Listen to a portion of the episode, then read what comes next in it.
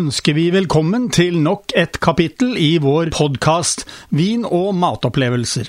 Som vi har gjort tidligere, vil vi tilby deg gode tips om mat og vin, ikke minst nyheter etter hvert som de kommer på Vinmonopolet. I tillegg til det vil vi ta spesielt for oss kombinasjoner av mat og drikke. Vær så god, det er servert.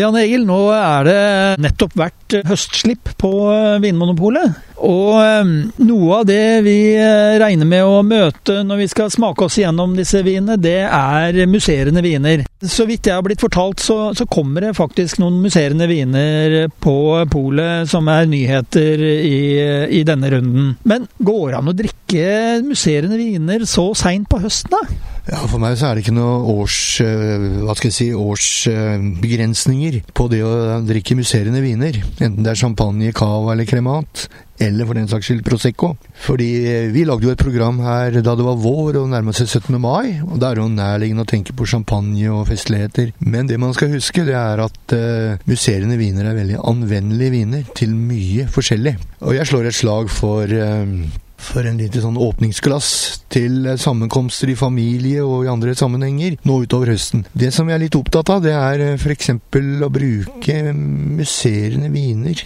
til litt sånn åpningssnacks i en sammenkomst. En forrett, en snacks. Det er alltid litt sånn restsødme i de musserende vinene som balanserer fint det salte i maten. Og det slår et slag for det også i forhold da til f.eks. sånne hyggelige retter som tapasretter, som er litt salte.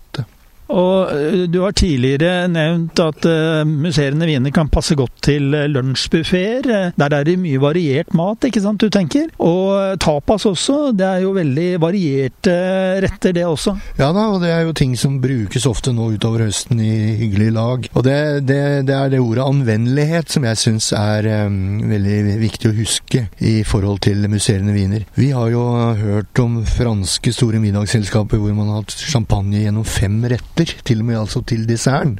Og ikke nøyd seg med fisk, men også hatt det til, eh, til relativt solide kjøttretter. Så det er utrolig anvendelig og brukbare, mm, brukbare matviner. Men som sagt, den har også en sånn glamour rundt seg, som, som går på det å ha litt sprudlevann til, til festlige sammenkomster når de starter.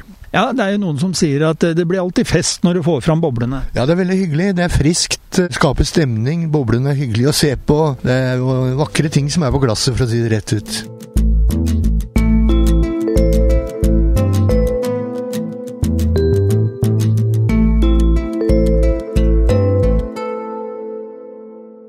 Ja, da har vi fått tre musserende viner foran oss. To av dem kommer fra Italia, og én fra Frankrike.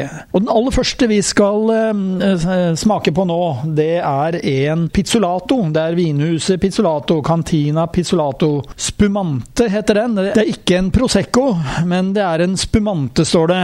Og det er eh, en extra dry. Der kan du lett bli lurt, eh, fordi her er det 15 gram sukker per liter. Men det er en hyggelig pris. Eh, det er en lav alkoholprosent, 11% fordi da får du en lavere avgift. Og da er prisen 130 kroner, kan vi si.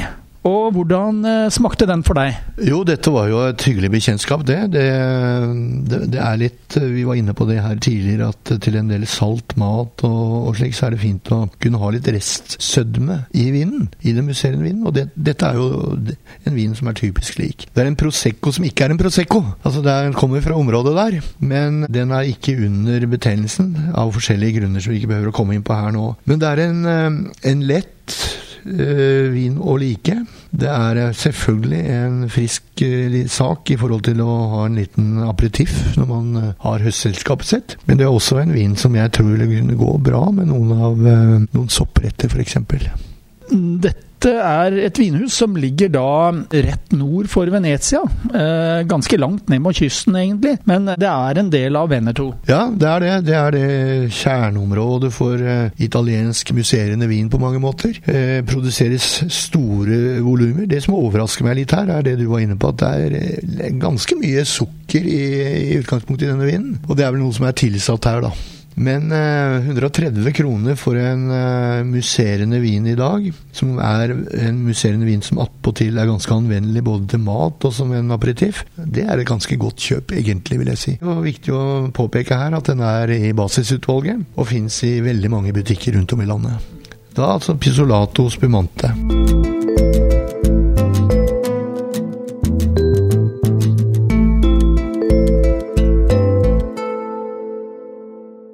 Den neste kommer fra samme vinhus, eh, Pizzolato Spumante, men det er en rosé. Og det står extra dry på den også. Og Der eh, kan vi bli lurt like mye, fordi det er 14,8 gram sukker per liter. Eh, det er ikke det jeg kaller extra dry. Den kommer da i basisutvalget nå i november, og den er laget da på Glera, som det heter, pluss da Raboso, som er litt ukjent drue for meg. Og den koster 140 kroner.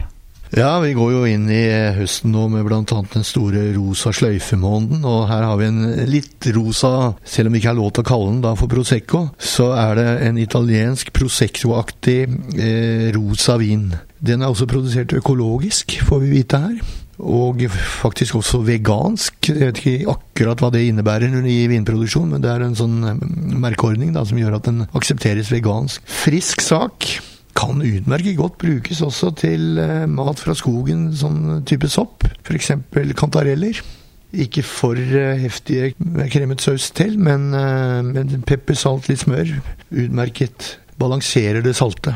Og jeg ble eh, positivt overrasket over den eh, behagelige duften som var. Den var veldig eh, bær og fruktig, og eh, det gikk igjen i smaken også. Ja, det var litt sånn bringebæraktig preg på den. Og veldig sånn tiltalende. Fine, lette bobler. Eh, bærpreg.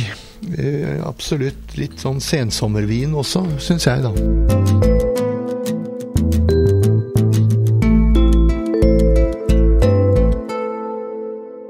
Da beveger vi oss til Frankrike. Og vi beveger oss da til det området som heter Burgund. Og her har vi en tørr musserende vin. Det er en kremant. Her er vi over i en litt annen klasse. Det er eh, en vin også som har noen år på baken.